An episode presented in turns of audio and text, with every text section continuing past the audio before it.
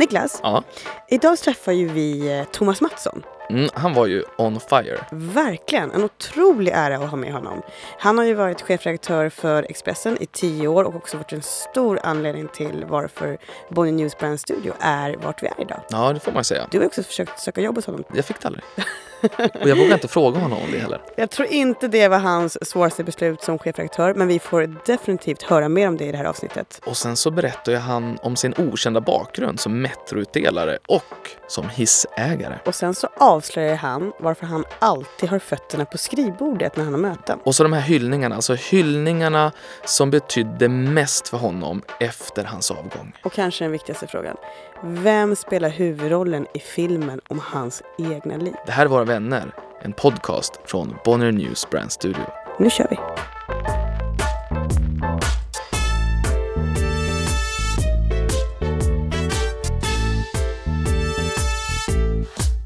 Thomas Mattsson, välkommen! Tack så mycket. Hur är läget? Det är bra.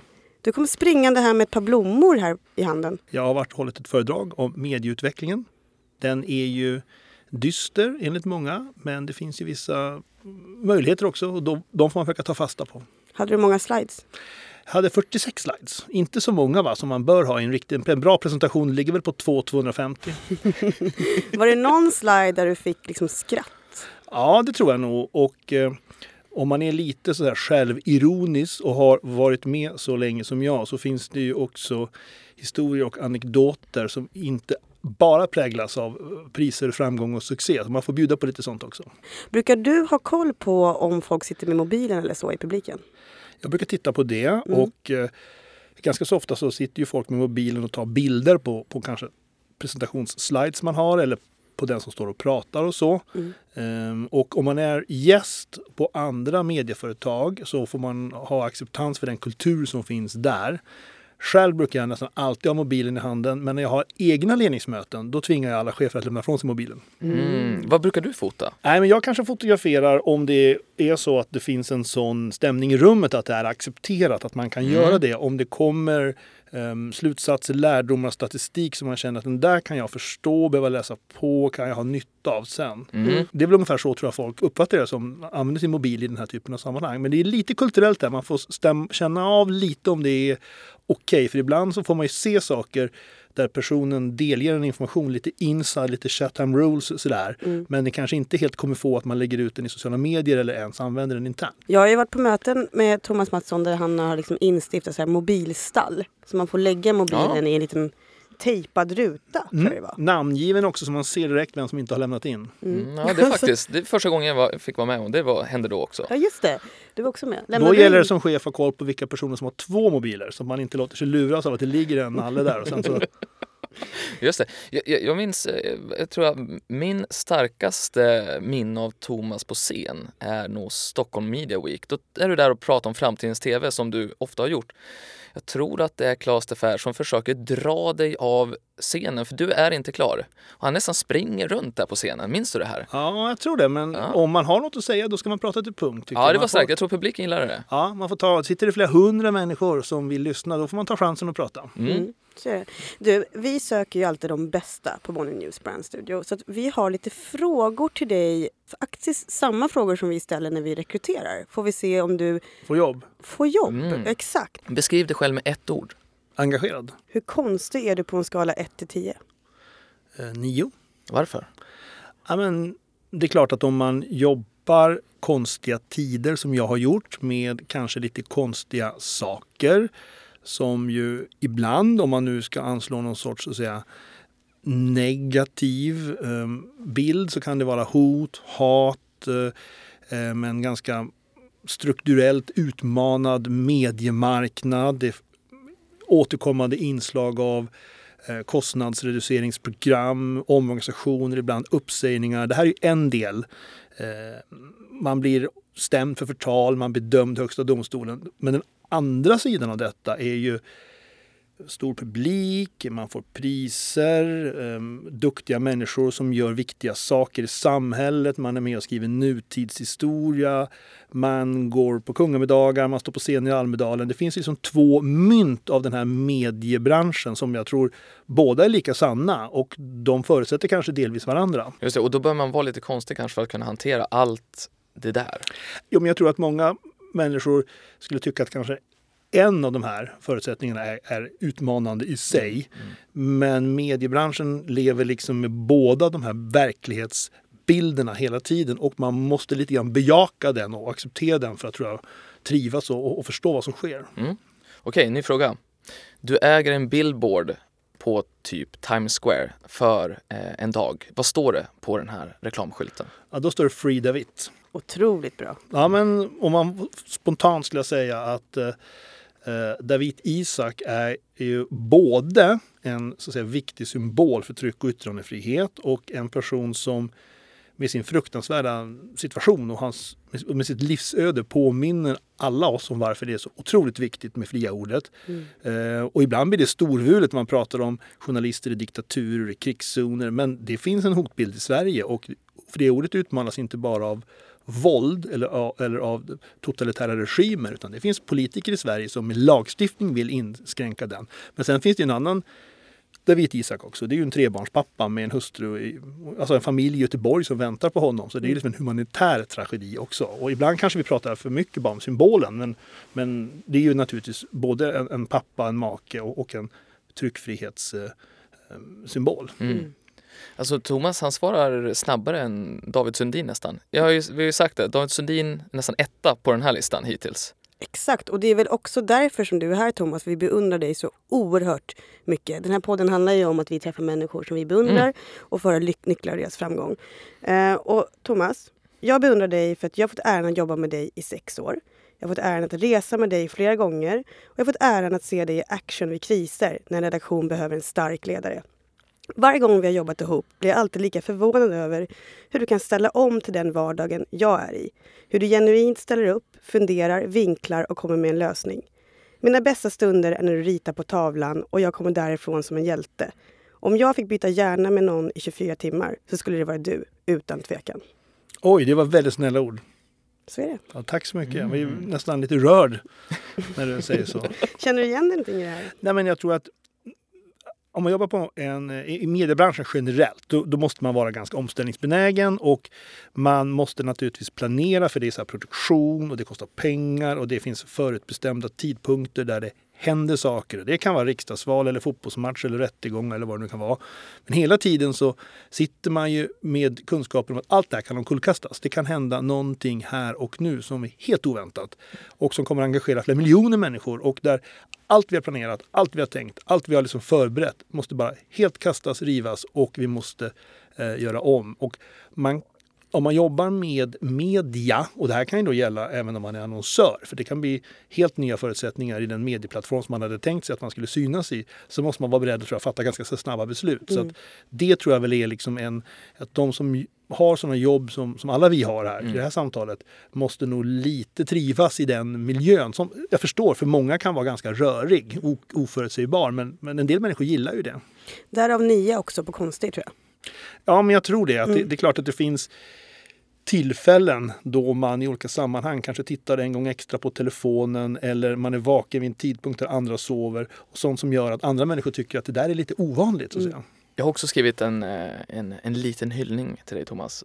Du har en oslagbar styrka. Man vill vara nära dig.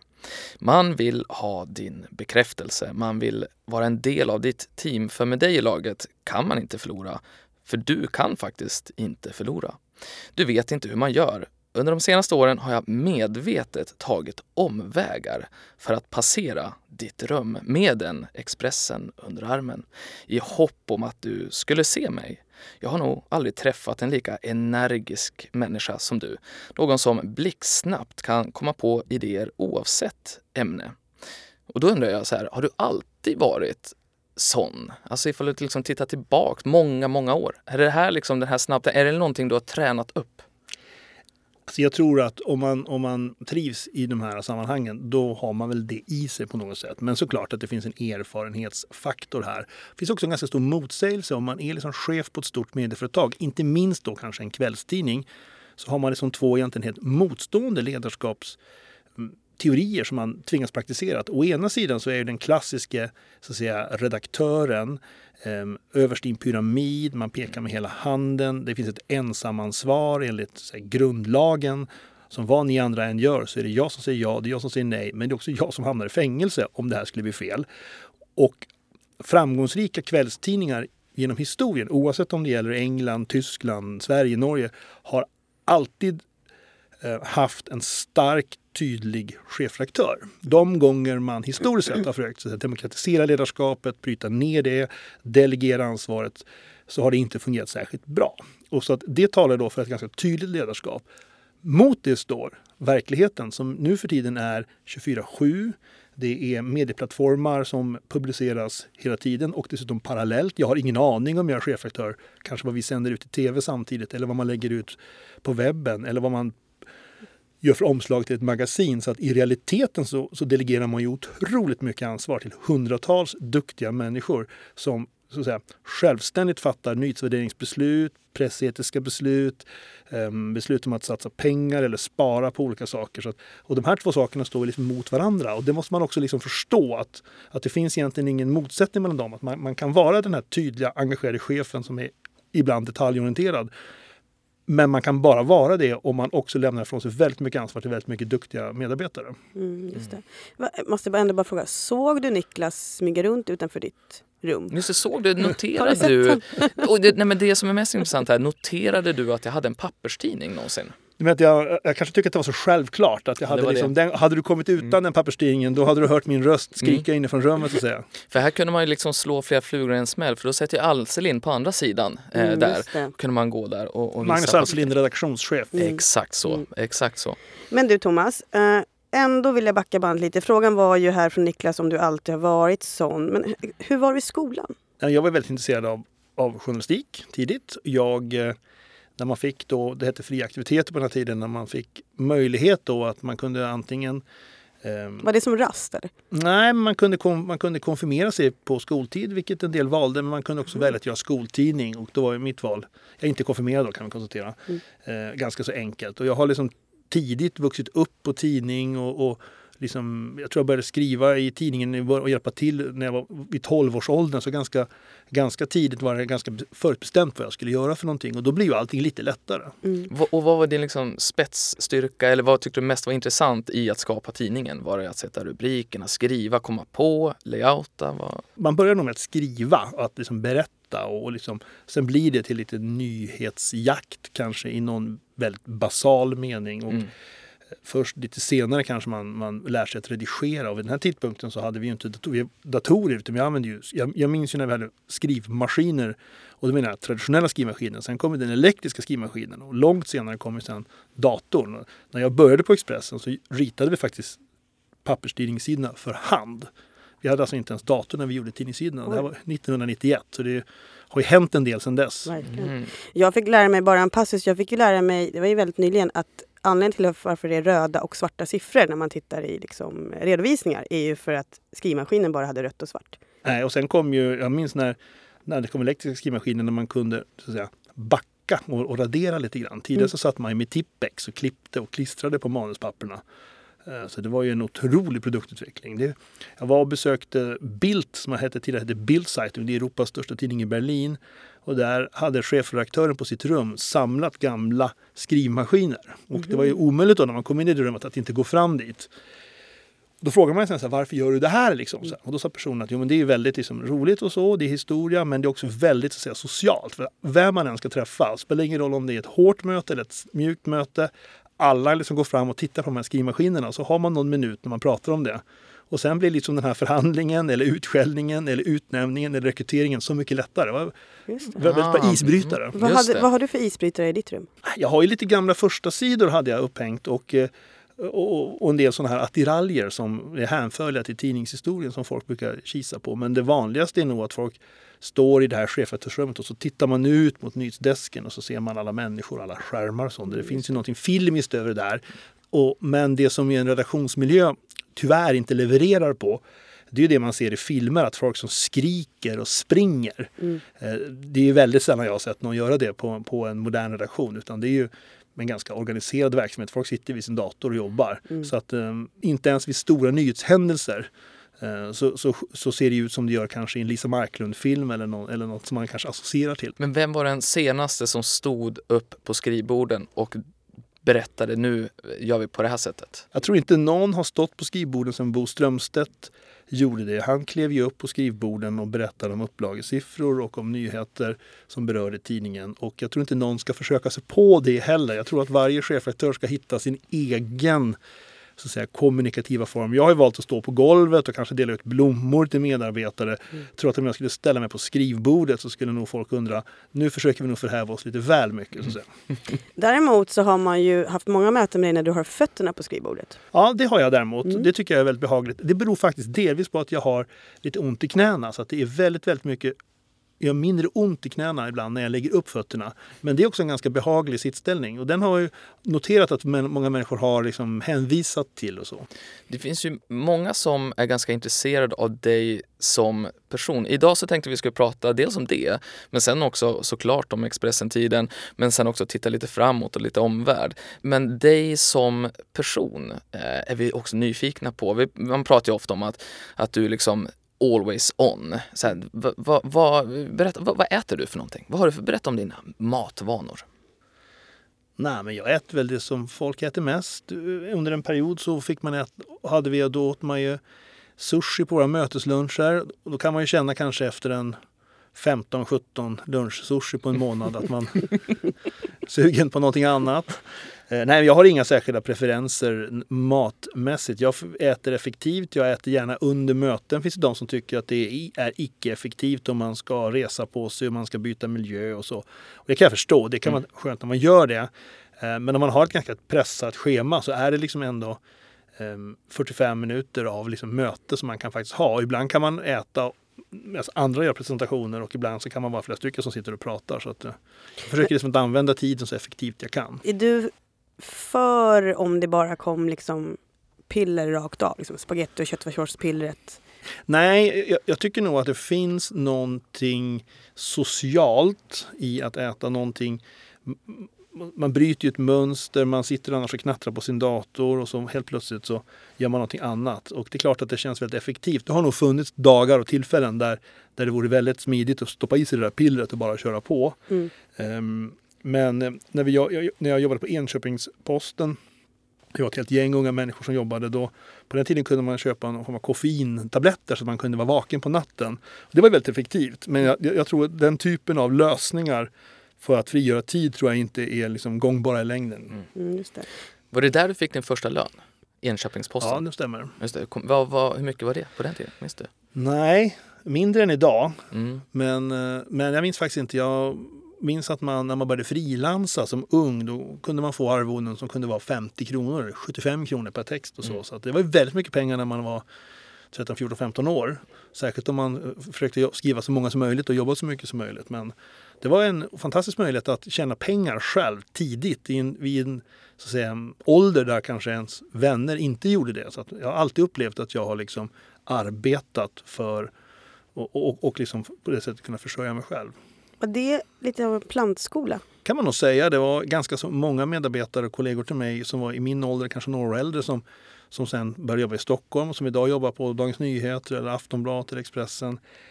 Enköping ligger ganska nära eh, Stockholm ska vi säga. Så att det är ett så att säga, socialt ganska litet steg att ta chansen med ett vikariat på en stor Stockholmstidning eller kanske till och med säga upp sig. Det. Eh, det. är inte lika eh, livsavgörande som om man kanske bor väldigt långt ifrån Stockholm. Man kan också börja med att bo hemma i Enköping och kanske inte liksom utsättas för den här tuffa bostadsmarknaden som det ändå är i Stockholm. Så det är klart att den där typen av liksom nästan infrastrukturella förutsättningar kan kanske påverka lite grann rekryteringsbasen för Stockholmsmedierna. Du, jag har ju fått äran att resa med dig. Eh, Vi har varit eh, i Berlin bland annat. Eh, och då är det ju så, precis som Niklas sa, att du är always on. Eh, liksom först uppe och vi har också haft eh, sena kvällar. Bland annat fick jag ju lära mig att du liksom ringde in till tidningen en viss tid och så. Men hur, hur, när sover du egentligen? Hur ser liksom... Hur många timmar behöver du? Det där med konferenser som du nämnde, där har jag lärt mig att eh, ehm, idag är det ju så att alla människor som går eh, på en restaurang eller man går på ett föredrag eller man sätter sig på tåget eller man ska åka flyg. Det första man gör är att man tittar ju så här, finns det någon kontakt? Kan man ladda? Um, annars känner man så här, oj oj oj, det här kan bli en lång dag eller en lång flygning.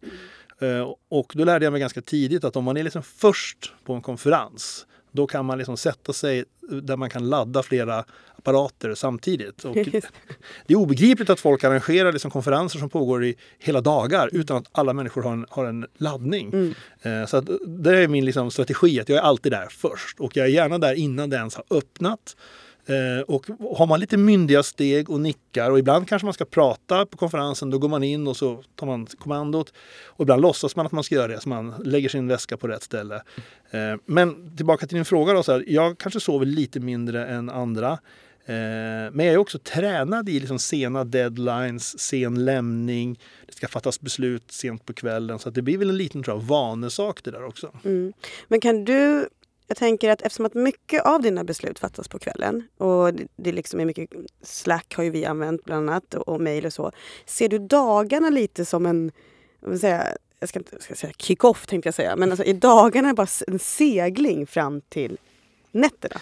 Jag ska säga, allt färre stora beslut fattas på kvällen ska jag säga. Verksamheterna inom mediebranschen blir mer och mer planerade, strukturerade. I takt med att vi jobbar till exempel mer med tv så blir det mer så att säga, tablådrivet, även om vi vill göra framtidens nyhets-tv. Eh, när vi också jobbar 24-7 på ett annat sätt än tidigare så är väldigt mycket mer beslutsfattande delegerat till duktiga redaktionschefer, nyhetschefer som fattar liksom de snabba besluten. När de kommer till chefredaktörsnivå då kan det handla om kanske ett utgivaravgörande. Kan man ha den här bilden? Kan man skriva det här namnet? Det kan också handla om att man ska fatta beslut om, ska vi, nu står vi vid gränsen, ska vi åka in till det här farliga området? Mm. Då måste man kanske som ytterst ansvarig säga ja eller nej. Så det är klart att den typen av frågeställningar får man ju.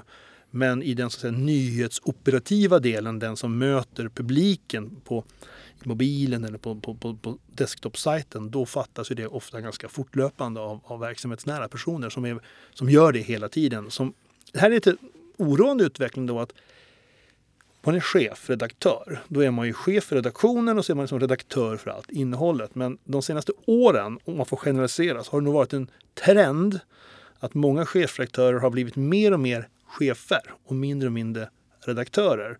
Att även så att säga, publicistiska ledare hamnar oftare i mötesrum, diskuterar snarare i Excel än mm. kanske i Indesign eller vilket publiceringsverktyg och CMS man nu har för sina digitala plattformar. Det, där, det är en naturlig utveckling i viss mån, så som branschen har, har kommit att bli. Men det är också viktigt att, att man påminner sig själv om att det liksom är vår, vår vara, det vi säljer och erbjuder och det som får annonsörerna att söka sig till oss, det är ju mm. vårt journalistiska innehåll. Det är liksom det som lockar tre miljoner människor att varje dag ta del av Expressen. Men har du hittat någon metod för det då? Att du delar upp möten? Och... Det är ju en av förklaringarna naturligtvis till att tror jag, redaktionella medarbetare och chefer ofta kanske sneglar på telefonen under vilket möte det än må vara. Att man är i någon form av flöde. Mm. Ehm, så att det är klart att man måste liksom hitta en balans däremellan. Men då har man ju då liksom dygnets alla timmar till sitt förfogande. Och eh, om jag sitter på möten och konferenser hela dagen, det är klart att vid något tillfälle så behöver också jag göra presentationer, läsa in mig, eh, omvärldsbevaka. Och det är svårt att göra det om, om man sitter i liksom ett mötesrum och har styrelsemöten, ledningsgruppsmöten och vad det nu kan vara. Så det är klart att under de år man har sådana här positioner som jag har haft på slutet. Jag har suttit 18 år i Expressens redaktionsledning. Mm. Och de har jag varit redaktionschef i fyra år och jag var chefredaktör för vår digitala satsning i fem och chefredaktör för allting i tio. Un, ungefär 18 år tror jag varit sammanlagt. Då får man nog vara beredd på att många av dygnets timmar kommer att behöva ägnas åt det här. Och nu då, när du inte längre är det, vad, vad, vad händer på, på fritiden? Har du sett någon skillnad redan? Eh, att du kan liksom få lite mer tid till att göra någonting och vad gör du i så fall? Nej, inte än. Det, det kommer nog dröja några månader innan innan jag har frigjort den tiden. Mm. För jag är fortfarande i en del processer och styrelseuppdrag och, och, och en del projekt som vi jobbar med. Så jag, jag tror att jag behöver nog lite mer distans till att inte vara ansvarig utgivare för att kunna liksom reflektera över det och också se någon så avgörande förändring tidsmässigt. Är det någonting du längtar till? Nu gör jag en del saker eh, som är lite mer utåtriktade än tidigare. Träffar personer som är viktiga för, för Expressen och för Bonnier News. Eh, och eh, personer som jag kanske har träffat tidigare i andra sammanhang. Stått på scener med Bokmässan, Almedalen. Eh, nu har jag lite mer fördjupade kontakter med dem och då får man chansen att lära sig liksom helt nya saker. Eh, och det är otroligt spännande att träffa personer från olika genrer av mediebranschen som kan, kanske kan handla om böcker eller om tv eller vissa annonsörskategorier och så. Och när man sitter med liksom de högsta cheferna, liksom verkligen de mest dedikerade personerna som är lika dedikerade de här medieplattformarna eller de här affärerna som jag har varit historiskt i att göra journalistik på en kvällstidning så blir man otroligt fascinerad över hur många duktiga människor det finns. Och man, man lär sig liksom. Det, det tycker jag är väldigt inspirerande. Har du, har du ramlat över någon sådan, eh, eller som du tänker på just nu? Ja, jag kanske inte vill nämna några namn här men jag tycker det är otroligt eh, För då kommer man alltså börja spekulera i att du ska samarbeta där Ja, och det har ju Ja. folk redan gjort och det har skrivits Mm. om, om, om olika eh, saker som jag påstås ska göra och så. Man är väldigt omvärldsorienterad som chefredaktör. Eh, men det är klart att väldigt mycket av verksamheten utspelas ju på en redaktion, i möten med människor man träffar ofta varje dag. Och man är ju i en så att säga, besluts... Eh, omgivning som man är trygg i. Medan när man kommer ut och träffar andra människor så får man liksom ställa frågor och, och, och, och, och, lära sig nya saker och det är väldigt liksom, intressant. Just det, det är inte du som ska hålla låda på samma sätt längre. Nej, det är tvärtom så att jag sitter och ställer frågor för att förstå ett skeende eller en affär här. Just det. Niklas, det här är ju spännande för att eh, Thomas bakgrund är ju bland annat också OTV. Mm. Eh, så att du har ju verkligen den här både, då, då kan man väl säga att eh, det var liksom forntidens native, ska man kunna säga. Kan man säga så? Det är liksom början Forntid känns ju lite hårt då med tanke på att det här Den var första kan man också säga. slutet på 1990-talet. Men jag, Ja, jag, jag, på tar, forntids ändå. ändå. jag förstår att ni tycker att jag är gammal. Och det, kanske jag När är du född? Vilket Jag år? är född 1971. Ja, Så så forntidens native var det ju. Mm. Och då var det ju ändå liksom att helt enkelt eh, göra eh, kommersiell journalistik av, av en annonsör. Där började du på ett sätt och sen så blev det ju eh, Expressen. Jag kanske hoppar här några steg. Mm. Men det, det som är spännande är ju att du verkligen nu eh, får då träffa de här olika personerna och få kan ge också tips och råd tror jag i båda den kommersiella och den redaktionella bilden. Och det tror jag är ganska unikt. Ja, men jag tror att det där är ju liksom två sidor av, av samma mynt. När jag började på OTV så hade vi, jag och då eh, grundarna på OTV vid den här tidpunkten, Per Sundberg, eh, Anders Abenius, eh, Patrik Brisman, Per-Ola Jonasson som vi sa då. Idag är han känd som författaren Jonas Jonasson. Just. Eh, vi och några till hade en idé om att man eventuellt då skulle lansera en gratistidning i Stockholm. Man skulle konkurrensutsätta Metro som vid den här tidpunkten hade en lönsamhetsmarginal på ungefär 40 procent. Och vår initiala idé var att Bonnier borde göra detta och det funderades på och det diskuterades och räknades. Men sen så kom Bonnier fram till att nej, men vi vill nog inte göra det än. Det här är då flera år före lanseringen av Stockholm City som Bonnier gjorde. Utan då bestämde vi oss då som entreprenörer och säga att det här, det här vill vi testa själva. Det här är liksom för intressant för att liksom inte kunna göras. Men vi hade ju inte kapital utan vi behövde så att säga, finansiera ett sånt här utredningsprojekt. Vi behövde ta fram en affärsplan och så. Och då gjorde vi det delvis då i och med att jag jobbade med så att säga, företagsinformation i form av native-journalistik, eh, jobba med liksom fondbolag, presentera deras fondförvaltare, skriva till kundtidningar och så. Och den andra delen av min arbetstid ägnade jag då åt att försöka ut, tillsammans med andra duktiga människor göra den här affärsplanen för den här gratistidningen. Och det var liksom en helt ny produkt. En sån här typsak som vi ställdes inför var att okej, men om vi har en tidning, hur ska vi distribuera den? Därför att Metro har ju monopol på distribution i tunnelbanan. Och då hade jag en idé om att man kanske inte måste ner till tunnelbanan. Man kanske faktiskt kan stå på stan och dela ut tidningen som en kolportageutdelning. Och det hade inte gjorts då. Och då var det många som inte trodde riktigt på det. Och vid den här tidpunkten så hade Metro en butik i Gallerian. Så jag åkte ner dit och så köpte jag en Metrojacka, en Metrokeps och en Metroväska. Så tog vi på oss de grejerna. Så åkte vi till en tunnelbanestation och så hade jag en kollega som stod med en videokamera. Och så tog jag på mig mina Metrokläder, gick ner till tunnelbanan, hämtade en bunt för Metro, ställde mig vid trappan och så stod jag där. Dagens Metro, trafikkaos i Slussen. Och så kunde vi då liksom filma när jag delade ut den här tidningen. Och då kunde vi liksom med klocka belägga att om man har en engagerad kolportör då kan man dela ut x antal tidningar på, på x tid. Och då kunde vi faktiskt med, med film bevisa att det här går att dela ut en tidning på det här sättet. Och, nå- och det det visade sig vad man kunde göra. Och några år senare var det ju legio att möta .se och Stockholm City Ja. utdelade. Så. Det är ju en jättestor business också. Det var alltså Ja. de som hyrde ut Ja. de här. Det här är helt otroligt. Så du myntade liksom handutdelning av tidningar och du har myntat klickmonstret. Exakt. Så jag var det. kanske inte först i världen med den här idén men, men jag kunde åtminstone visa att den gick att göra i Stockholm. Men, men det är roligt, för, för du, du är ju en person som är unik på det sättet att du eh, kan säga en idé och sen så går du ut och genomför den. Eh, det är ju inte så vanligt. Det är väldigt många, det är väldigt lätt att vara bra på idéer men att sen genomföra saker. Eh, en sak som jag, jag fick i min, i, i min research här när vi plockade upp inför den här intervjun, det var ju då att, att du var lite less på att hissarna på Expressen eh, inte funkar så bra. Så vad du då gjorde, det var att du köpte lite aktier i hissbolaget. Ja, det här är en ganska allvarlig fråga egentligen. Det visade sig då att vi hade problem med våra hissar. Och Expressen sitter på våning fyra och då kan man ju tycka så här, men det är nyttigt att gå i trappor.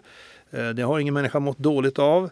Eh, Men det är mindre roligt om man är tv-reporter, om man kanske är en kvinnlig tv-reporter, om man har en tv-utrustning som kanske väger 30 kilo. Och att då ta sig fyra trappor upp till redaktionen med den här utrustningen ett par gånger per dag och sen ska man ner två trappor till minus två för där har man sitt garage med, med, med bilen, där, reportagebilen. Det är en helt ohållbar situation. Och då visade det sig då vid lite research att redan 1976 så hade den dåvarande administrativa redaktionschefen skrivit brev till Bonnier och klagat på att hissarna i vårt hus inte fungerade. Och genom åren så hade det varit lite till och, till och från med de här hissarna och så upplever jag att det här blir liksom ett arbetsmiljöproblem till slut. Våra medarbetare måste kunna ha fungerande hissar. Och eh, fastighetsägaren tog väl kanske inte det på fullt allvar.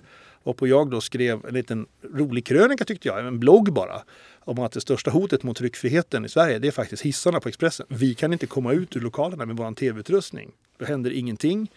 Då skickade jag en erfaren reporter eh, som hade vunnit Stora Journalistpriset till fastighetsägarens huvudkontor där reportern provåkte hissarna på fastighetsägarens kontor. De fungerade ju jättebra då.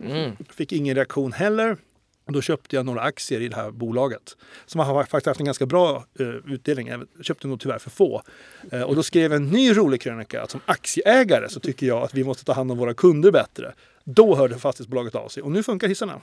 Är, Wow alltså. Ja, men tänk er själv att släppa 30 kilo tv-kameror upp och ner. det är såklart. Ja, ja. Du gjorde helt rätt. Det, det handlar snarare, det, du gjorde helt rätt. Det har allt också faktiskt en grej som Thomas Mattsson är väldigt bra för. Det är att liksom stå för den lilla människan på ett sätt.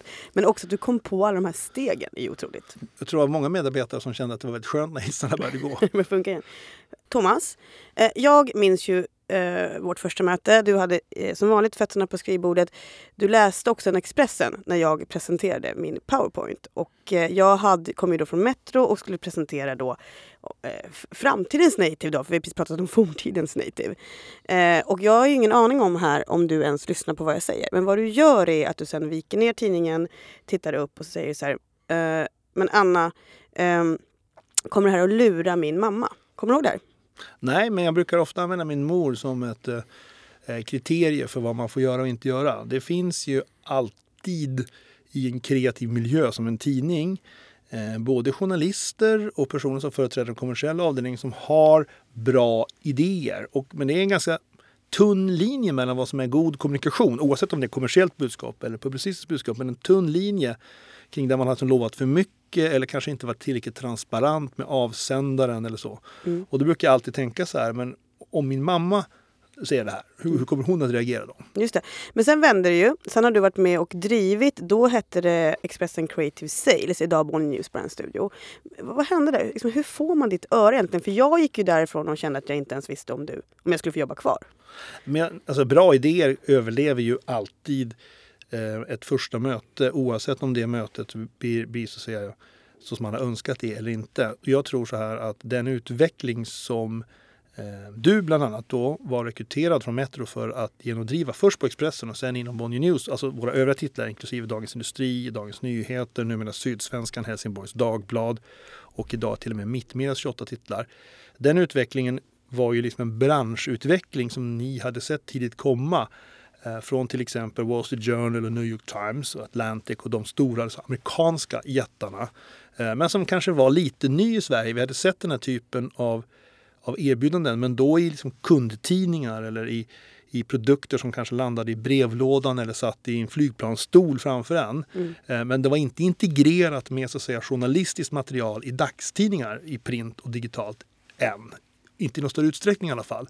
Och det är klart att när man ser kraften i det och man ser hur bra det kan göras eh, och det är klart att man i mediebranschen, det är lätt att titta mot New York Times och tänka så här, oj oj oj, så där ska vi också göra. Sen är det lite mer utmanande att göra det i Sverige, i Stockholm och så. Men det är klart att det finns en potential här som jag såg och som ju många såg. Mm, för du var ju också den som väldigt snabbt eh, började ta fram skisser tillsammans med oss hur man kunde då få använda Expressens typsnitt så länge det var väldigt tydligt annonsmärkt och så.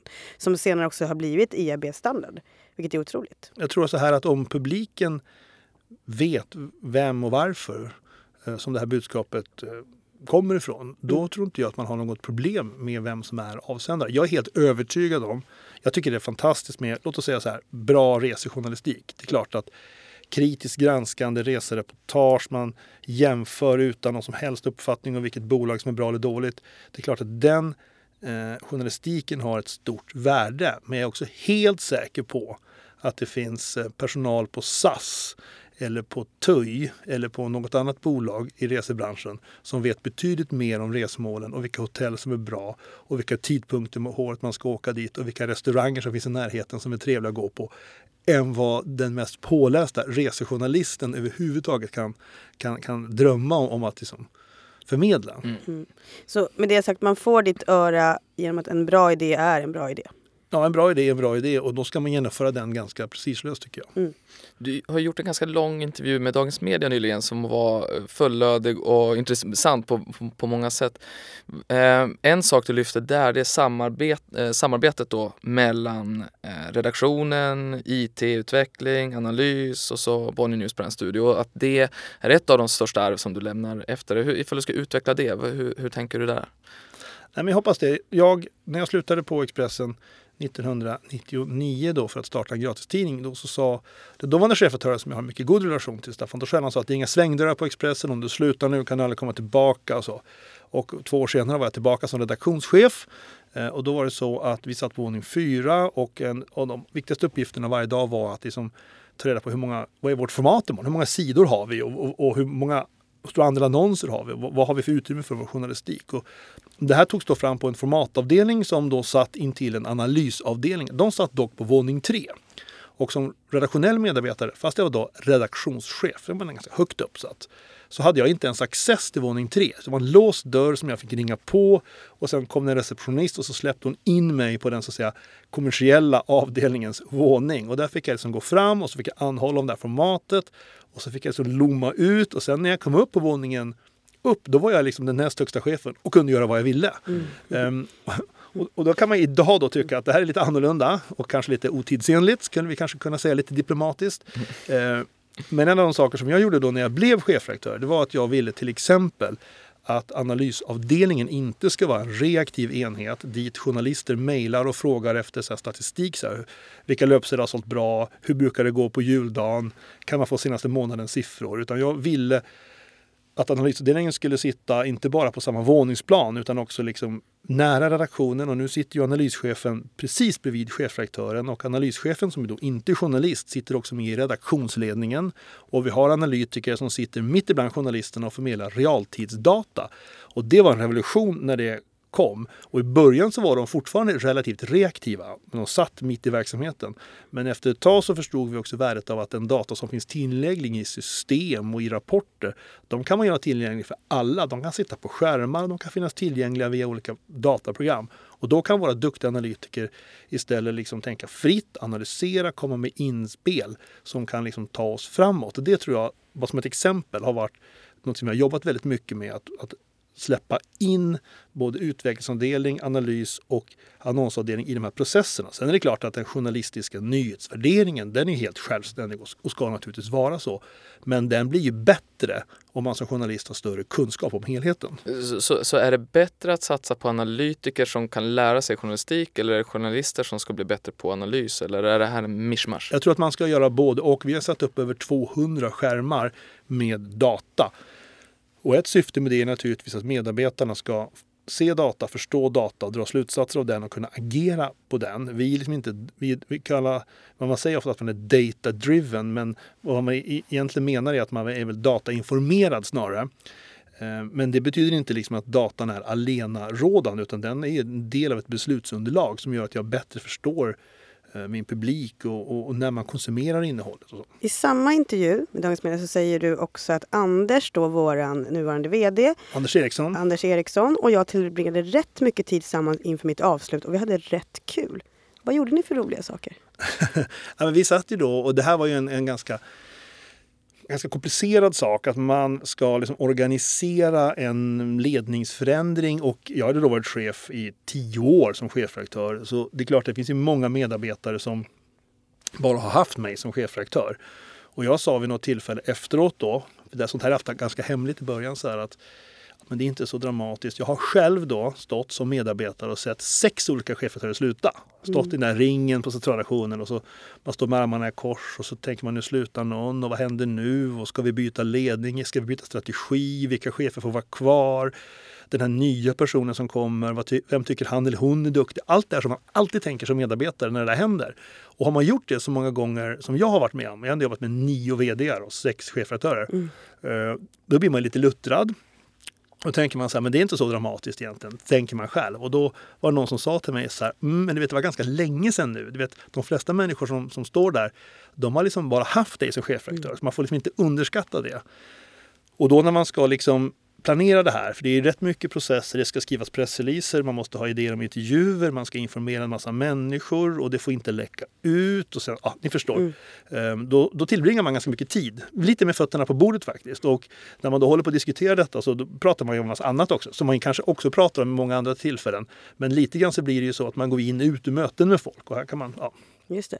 Mm. Och nu pratar vi mycket här om att planera. Så då var det så att det var planerat. Du fick inte sparken? Nej, vi hade ju en, alltså så här funkar det. Man har ju en diskussion vid olika tillfällen, olika avstämningsmöten om Ja, man planerar ju framåt och strategier och sånt. Liksom. Och då så hamnar man i en situation där man sitter och diskuterar. Vem, vad gör vi nu? Vem gör vad? Vilka prioriteringar? Då kan man ju vara ganska överens om det här vet ju ni som vilken strategi som vi har och den, om man ska sammanfatta den kort då, så bygger den på att Expressen ska vara ett stort räckviddsmedia som med stabil lönsamhet eh, ska liksom ha en egen affär i form av annonsintäkter, eh, print och digitalt, lösnummerintäkter print och i ökad grad också prenumerationsintäkter då, digitalt. Och den här strategin tror jag som alla är rätt ense om. Men en del av den ligger också i att vi ska vara en räckviddsmotor inom Bonnier News och vi ska ja, samarbeta och genom att göra det kan man då dela kostnader för tryck, distribution, teknisk utveckling och så. Men sen kan man naturligtvis inom ramen för det ha olika tankar. Jag tror vi tre här har säkert, om vi skulle ta en sån här fråga, kan man ha lite nyansskillnad i vad man tycker. Mm. Eh, och så. Och då är det ganska, om man har jobbat i 18 år i ledningen och varit 10 år som chefredaktör, det är klart att man lite grann så här, ja, okej, okay, det är jättekul om man är chefredaktör till 100 procent tills den dag man inte är det, för man kan inte vara på 99 procent. Mm. Men det är klart att det finns vissa repetitiva inslag i planering eller i, i, verksamheter som man alltid kan känna så här att ska man göra dem i nio år eller elva eller tio eller så där. Liksom? Så, så har man en sån diskussion och så till slut vid någon tidpunkt eh, så kommer man fram till att nu är det nog läge att man har liksom en ny röst eller så. Jag tror jag sa i den här intervjun också att en fördel med att ha varit chef så länge, det är liksom att man, man har varit med om massa saker och man har massa erfarenhet att, att falla tillbaka på. Och, och då, den är ju lätt, för den kan man ju så att säga. Men det är klart att det måste rimligen finnas idéer, processer som finns i organisationen eller som finns utanför oss som man själv inte ser för att man är fast i någon gammal föreställning mm. eller som man inte har tänkt på eller som man kanske testade för åtta år sedan och det funkade inte och därför tror man att när någon kommer med den idén, så här, nej, nej, nej, det har vi redan mm. gjort. Men det kanske är mycket bättre timing nu så det är klart mm. att man ska väl byta chef lite då och då. Vi vill ju ändå passa på nu tycker jag så här, när, vi, när vi sitter här att eftersom vi har haft så mycket samarbete med Thomas och du som har jobbat ännu längre på Bonnier News på den studion, var, att, att försöka få lite så här lite feedback, kanske mm. lite kreativ feedback. Gärna. Vad är din bild utav Bonnier News på den studion? Vi har alltså gått från 6 till 60 personer på, på, på sex år. Vad är din bild först och främst? Först ska jag säga, innan jag svarar på det så ska jag säga att att göra den typen av förändring eller utveckling som ni har gjort inom Bonnier, det är ändå liksom få förunnat. Jag brukar säga det, ibland får man så här frågan då, så här, du har varit på Bonnier i nästan 25 år och hur funkar det liksom så här? Ringer de från familjen och har synpunkter på innehållet?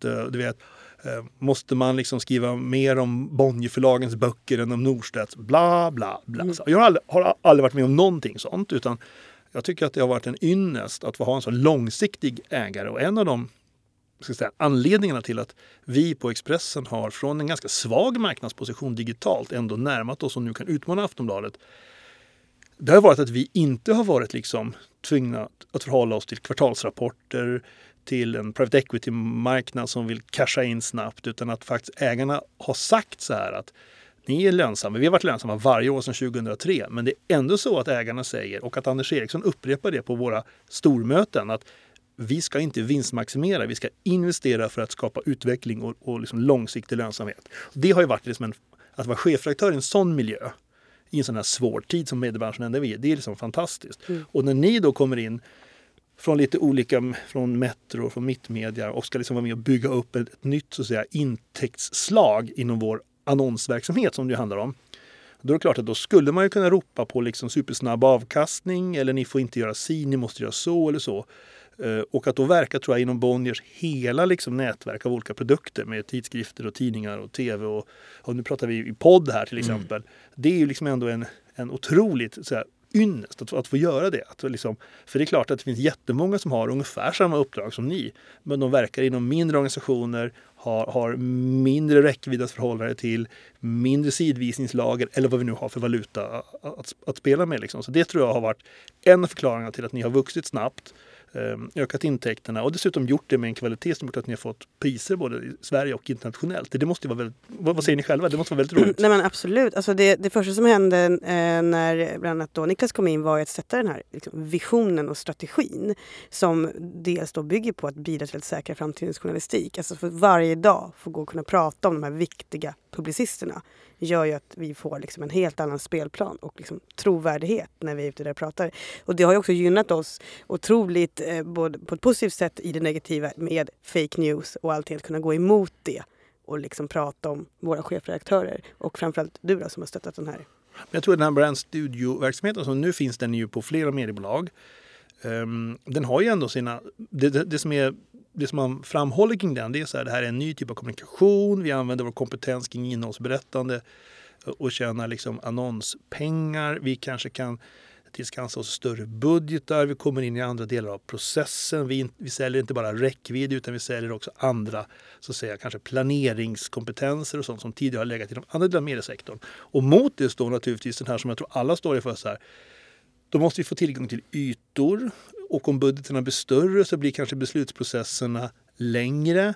Ehm, vi måste säkerställa att vi har en bra marginal så att vi inte bara ökar så att säga, budgeten eller affären, men vi måste också tjäna pengar på sista raden. Och så, så allt det här som jag antar att T-Brand Studio och, och de andra så här, amerikanska förebilderna har gjort några år innan. Det har ni liksom gjort tidigt i Sverige och nu är det fler som kopierar det. Liksom. Mm. Och sen kommer det här naturligtvis, de här utmaningarna kommer ju förändras liksom hela, hela tiden. Liksom. Men det är ju en förutsättning för att man ska kunna fortsätta utveckla en sån brand studieaffär är ju att man fortsätter ha en sån god dialog tror jag med redaktionerna så att man kan tillgodogöra sig den här kunskapen och också ha det förtroendet. För att skulle man liksom vara på fel sida den här gränsen kring trovärdighet, avsändare, transparens då kommer liksom en chefredaktör komma in och säga så här, men jag är ansvarig utgivare, det här kan man inte göra. Så det är klart att det bygger på ett sånt där förtroende. Just det. Eh, vi var ute efter lite feedback också. Eh, fråga här då, eh, som ofta händer så får man ju då, ni ska in till Expressens eller Bonnier News ledningsgrupp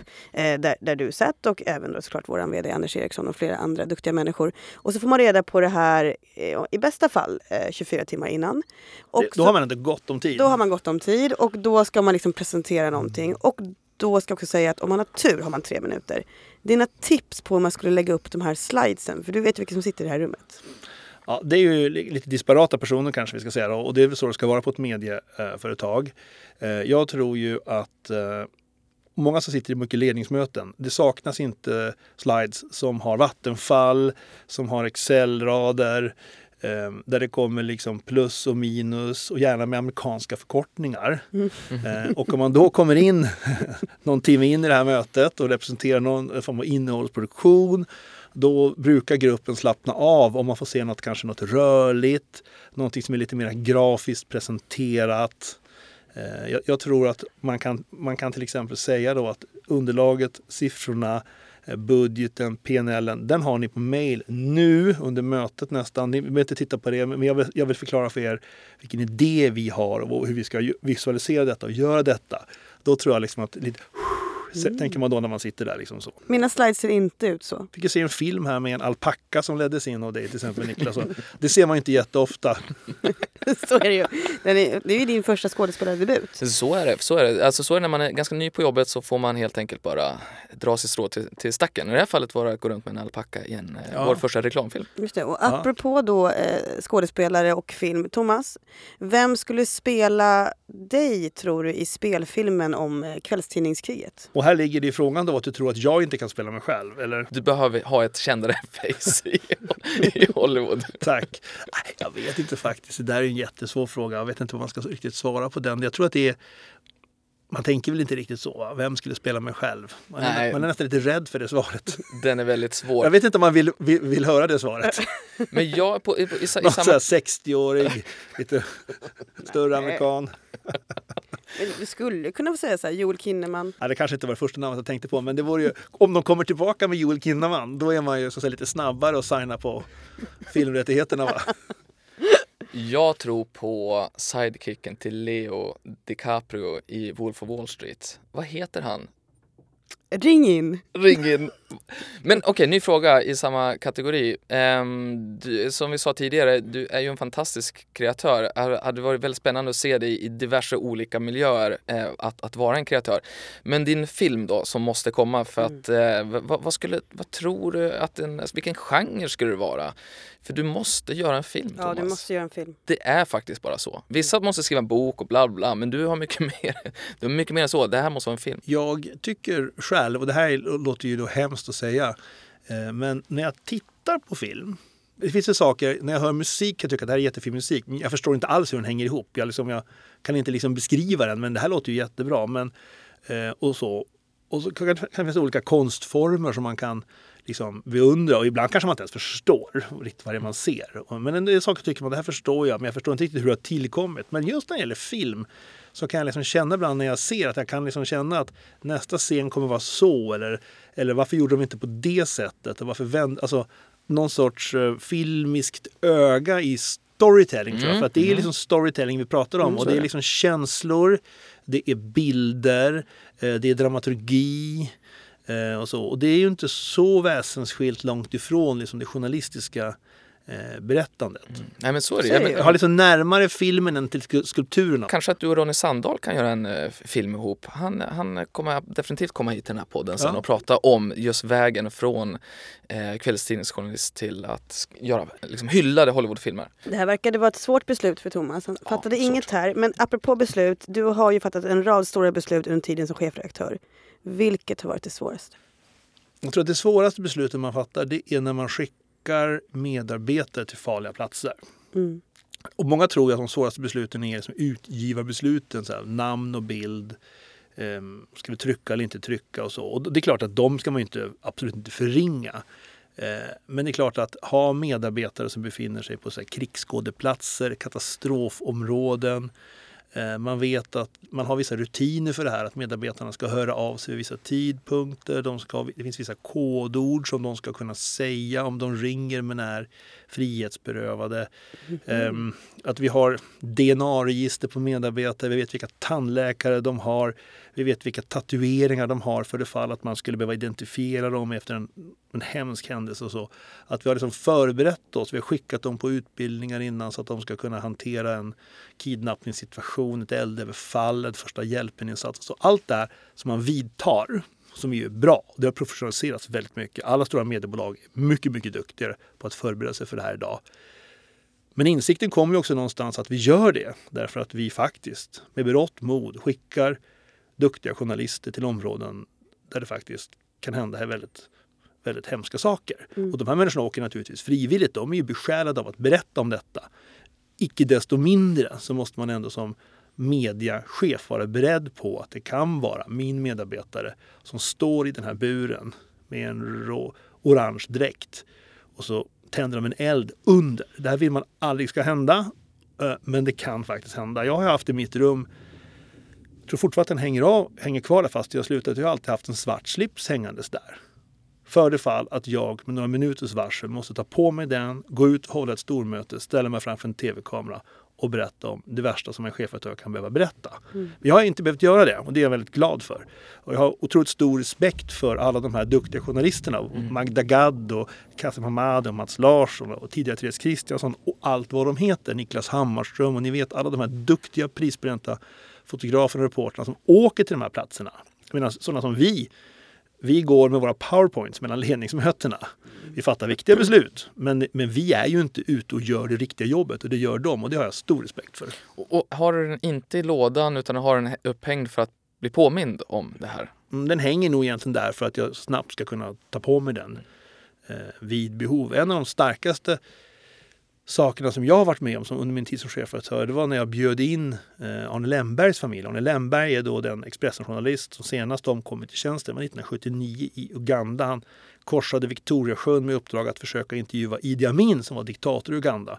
Men han och några journalister till eh, avrättades, sköts till döds på stranden Eh, när de kom fram, deras kroppar grävdes ner och först senare så kunde de grävas upp och identifieras av Expressen-medarbetare som var på platsen och fick då titta på så att säga, liken bokstavligen. Och vi har en liten minnesplats för Arne här uppe på redaktionen som vi satte upp för några år sedan och när vi invigde den så hade vi hans familj här. Det tyckte jag var mm. väldigt, väldigt starkt. Ungefär som att mm. jag bjöd in David Isaks familj vid något tillfälle mm. också och lät dem stå inför hela redaktionen och berätta om hur viktigt det är att vi fortsätter bevaka den här typen av frågor. Och ibland när man är vd-chef, man sitter och man pratar räckvidd, och man pratar priser och man pratar organisationsförändringar och förvärv och, och liksom sådär. Och det är som vilken affärs och företagsverksamhet som helst nästan. Men någonstans i botten finns ju det här viktiga uppdraget, det som skiljer det vi gör från alla andra. Vår verksamhet är grundlagsskyddad. Det är jätteviktigt. Och det, är ju det av ett visst skäl. Mm. Eh, jag tänker också, du, eh, du nämnde det lite i början också, du har ju själv levt i olika, i olika hotbilder och haft livvakter till exempel. När, när tar du beslutet att du behöver ha en livvakt med dig den här dagen? Man, det där är ju en process som man, som man för i dialog med, med mediebolagets säkerhetsavdelning och de säkerhetsfirmor som, som man jobbar med. Och, eh, man ska inte överdriva de hotbilderna men man ska vara medveten om att de finns. Eh, om man går till en vanlig tidningsredaktion idag. Förr i tiden så kunde man gå rakt in på en lokaltidning på ett Depeche-kontor. Det kan du inte göra på någon, något medieföretag idag. Utan vi pratade om hissarna här tidigare. Men det är en utmaning att ta sig in på, på ett tidningshus idag. Det är spärrar, det är kontroller, det är snurror. Eh, det är olika passerkort som man ska ha. Och, och det, de där finns ju där av en nödvändighet, tyvärr. För att hat och hot mot mediebolag ökar. Vi är dessutom kanske kanske det enda mediebolaget i världen som har publicerat både Charlie Hebdo-teckningarna, eh, Lars Vilks rondellhund och Jyllandspostens Mohammed-karikatyrer. Jag tror inte någon annan tidning har publicerat alla de tre. Mm. Och det är klart att om man gör det, då uppstår ju en hotbild från till exempel militanta jihadister. Och den hotbilden finns där, utan att jag ska förstå den, men den finns där. Samtidigt som vi konfronterar eh, främlingsfientliga opinionsbildare, nynazistiska organisationer, kartlägger, presenterar dem. Mm. Så det uppstår en hotbild från den sidan. Och mitt i detta så är vi kanske den tidning som mest systematiskt har kartlagt och presenterat så kallade Isis-krigare, Isis-terrorister. Berättat med namn och bild vilka som åker till Syrien och Irak för att med vapen i hand skapa islami Islamiska staten. Så det är klart att alla de här tre sakerna gör att det liksom finns en hotbild utan att jag, jag vill verkligen inte sitta liksom och överdriva den. Men det är viktigt att man 2019, 2020 som journalist förstår att man måste tänka sig lite för. Man måste liksom vara veta vilken information man sprider om sig själv, var man befinner sig och vilka omständigheter man rör sig kring. Liksom. Mm, just det. Eh, jag minns, eh, jag la ju upp på min eh, privata Instagram en liksom fuck SD-post och fick ju ett sms av dig ungefär 14 sekunder efteråt som var ta ner den. Kommer du ihåg det? Nej, men jag, jag, jag kan förstå situationen. Jag har något svagt minne men, men jag, det finns flera aspekter på det tycker jag. Jag tycker att det är viktigt att vi vi kan ju ha en värdegrund och vi kan representera en tidning som står emot vissa uppfattningar och åsiktsströmningar i samhället och har gjort det ända sedan 1944. Vi har en ledarsida som tar tydlig ställning i den frågan. Men som mediebolag så har vi ju ingen uppfattning om specifika partier utan vi eh, förhåller oss ju liksom konsekvensneutralt till alla liksom de politiska strömningar som finns. Jag är nyfiken på ifall det finns människor som, som du beundrar eller andra mediehus som du tycker har gjort bra saker det senaste året. Du har också rest mycket, fått liksom träffa andra. Finns det innovationer eller eh, satsningar, arbetssätt som du tycker att de där, de där har faktiskt gjort det bra? Jag har kanske inte riktigt hunnit så att säga varit icke-chefredaktör så lång tid som jag borde för att kanske på riktigt analysera det. Men jag tänkte på det när jag slutade. Då det är väldigt trevligt. Folk säger vackra ord. Andra mediechefer framhåller kanske enskilda publiceringar ställningstaganden i debatten eller så. Men det som jag tyckte var det som kanske värmde. Jag var jätteglad för dem såklart. Men det som värmde liksom allra mest. Det var medarbetare som, som kanske har varit hos oss förut. Och det var någon som skrev i att hon hade varit vikarie och, och, och, varit väldigt nervös första dagen i Stockholm och så hade hon stått vid en kaffeautomat och så hade jag kommit fram och presenterat och sagt hej och då kände hon så här, oj det här, det här kommer nog gå bra i Stockholm trots allt och så. Liksom. Den typen av yttringar som man kanske nästan inte kommer ihåg för att det var liksom sju år sedan man pratade. Mm. Och så. Sånt tycker jag, tycker jag kändes väldigt bra. Men för att svara på din fråga då så är det klart att det här låter lite förmätet men vi har ju väldigt mycket besök här i Sverige. Och jag åker runt och tittar och det är många som gör det på andra mediehus runt om i världen och så. Men ofta kommer man fram till att de svenska och norska mediehusen är så produktutvecklade digitalt att det är faktiskt, med några undantag klart, inte så mycket som svenska och norska mediehus har att lära. Det är klart att det finns funktionalitet på en New York Times prenumerationsavdelning där man kan lära sig digitala prenumerationer mycket mer. Och det är klart att det finns videolösningar, det finns en massa exempel. Det är klart att Washington Post utvecklar egna CMS på en nivå som kanske inte många andra mediehus gör. så. Men sammantaget så är det så att om du går till en normalstor svensk lokal eller regionaltidning mm. så står de sig väl med liksom stora nationella varumärken på andra stora marknader. Det tycker jag är lite häpnadsväckande. Mm. Och det, det, säga, det beror inte, ska jag säga då, på att liksom svenska mediechefer är smartare utan det beror i grunden på att vi var liksom snabba att kräva bredband när vi gjorde kabel-tv. Vi hade subventionerade hemdatorer på 90-talet så att folk hade dator och kunde läsa och programmera. Vi digitaliserade tv eh, jättesnabbt från analog tv till digital. Vi låter operatörer subventionera hårdvara så vi kan köpa nya mobiltelefoner för en krona och så vidare. Och allt det här som har gett oss Skype eller Minecraft eller, eller Klarna eller Spotify och allt vad det här heter. Det har också gett oss SVT Play och Aftonbladet.se och så att det här hänger liksom ihop. Mm. Mm. Jag skulle vilja hoppa tillbaka till hon eh, kvinnan vid eh, kaffeautomaten som, som var lite nervös för att komma hit. Vad skulle du ge för råd till unga journalister idag? Vad borde man som specialisera sig på?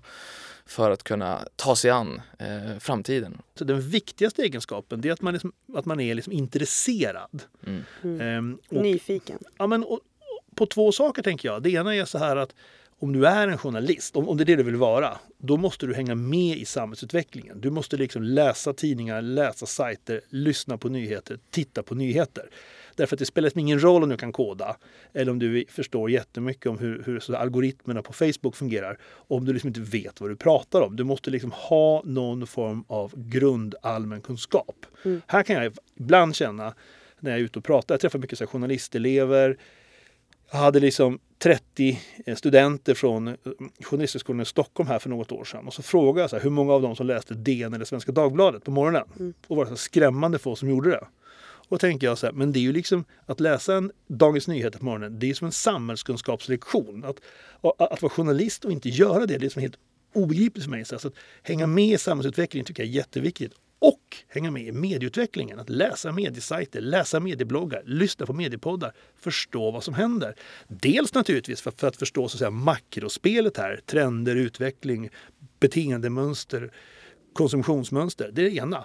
Men lite mikro också, om jag ska söka jobb någonstans, om jag ska komma till Sveriges Radio eller till Göteborgs-Posten. Det är klart att om jag i en intervjusituation eller när jag gör mitt vikariat visar sig vara kunnig i medieutvecklingsfrågor, hänga med i mediebranschen, det är klart att det kommer noteras och vara till gagn om jag kan det och inte någon av er två kan det. Det är klart att det är en fördel för mig. Så jag förstår inte att människor som ändå väljer att viga sitt liv åt journalistiken inte är mer engagerade och pålästa. Nu är det många som är det ska jag säga, men jag stöter faktiskt på några som inte är det och det förvånar mig. Mm. Irriterar mig kanske ni hör att jag... Ja, du går igång här nu igen. Vi är inne på liksom mindset här mm. ändå. Mm. och vi har ju också, eh, när vi är ute och föreläser så pratar ju vi väldigt mycket om att ja, men robotarna kommer komma. Eh, de kommer ta våra jobb och då har man ju identifierat att liksom, kreativitet och empati är det som kommer liksom få oss inte bara ha kvar våra jobb utan också kunna liksom give them a fight. Kan Mm. man säga så Niklas? Det tycker jag. I, I det här med mindset och liksom give them a fight så finns det också olika metoder som till exempel allt mitt fel. Eh, återskapa dig själv om och om igen och ge utan att förvänta dig någonting tillbaka. Är det någonting som du jobbar med Thomas? Alltså, allt är mitt fel. Det finns ju en efterfrågan på att man ska säga. Antar jag. Nej, men jag tror, jag tror så här att vad heter det? Balansen, om, om man är liksom mediechef så finns det som en balans mellan att å ena sidan så du är faktiskt chef. Du får bra betalt, du har stort ansvar, du ska fatta beslut. I det ligger att man liksom måste vara ganska tydlig ibland. Det är, som, det är också det som är uppdraget. Men att analka sig de, de sakerna med lite ödmjukhet, kanske lite självironi och om man har varit med ett tag kanske också inse att alla beslut man har tagit kanske inte kanske inte liksom historien kommer döma helt positivt så att säga. Och att det är liksom kanske också okej så att säga. Man, det får inte kosta för mycket pengar, man får inte skada människor. Men det vore också orimligt att tro att varenda strategiskt beslut man tar med efterhand skulle visa sig vara helt rätt. Så jag tror att man får vara lite så fötterna på bordet och lite slå ut med armarna ibland. Och att folk får liksom, man får liksom vänja, det är vad det är så att säga. Vi gör så gott vi kan och ju mer vi är pålästa desto bättre blir våra beslut. Men det kommer inte bli rätt varje gång. Alltså, när är det rätt att starta lokala sajter? Ja, vi försökte det åren efter 2005, gjorde jättebra lokala sajter. Ingen skugga faller över någon på redaktionen och vi försökte sälja annonser, men vi kanske var lite för tidiga. Nu gör Aftonbladet samma sak. Rätt eller fel? Jag vet inte. I mitten på 2000-talet startade Aftonbladet Dagens Industri och Expressen via ett dotterbolag Kanal Lokal olika tv-kanaler. Det var på tok för tidigt, vi hade en linjär struktur, det kostade för mycket pengar med den tidens teknik. Nu idag kan man göra tv-satsningar på helt andra, lägre kostnadsnivåer. Rätt eller fel?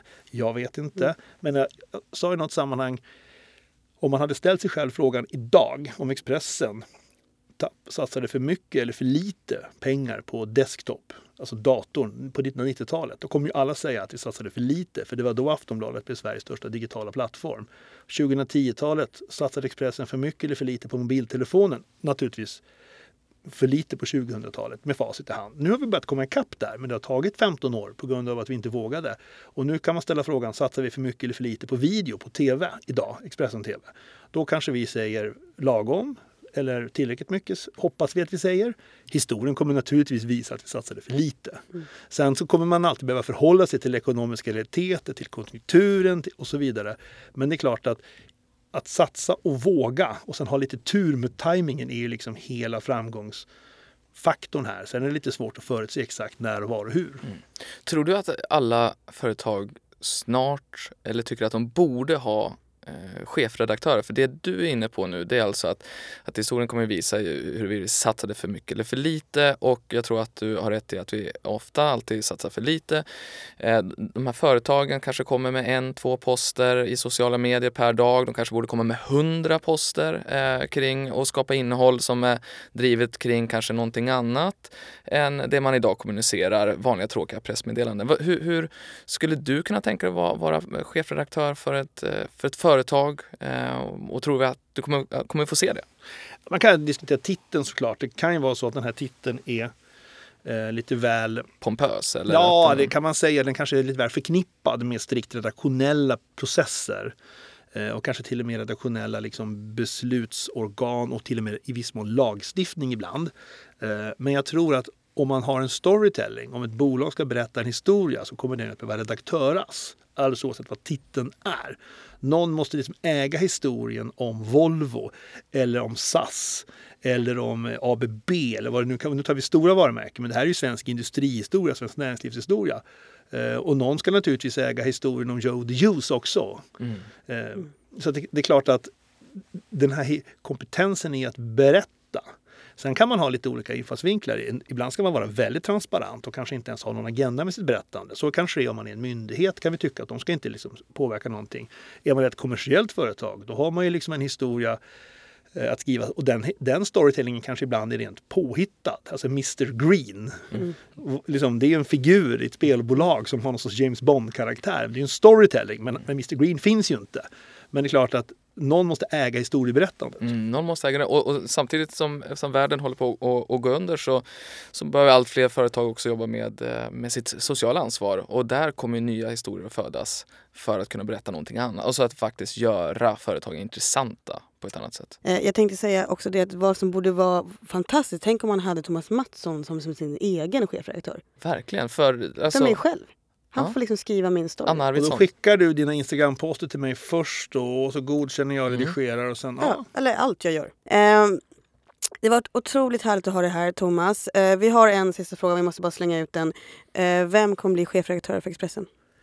Eh, Det kommer bli en stridbar publicist som brinner för tryck och yttrandefrihet och som har ett passionerat intresse för medieutvecklingen och som förstår varför ett modernt medieföretag behöver ha en god lönsamhet för att vara fristående och fatta självständiga beslut. Är det du Niklas? Nej men det låter som Thomas Mattsson. Det tror jag inte då.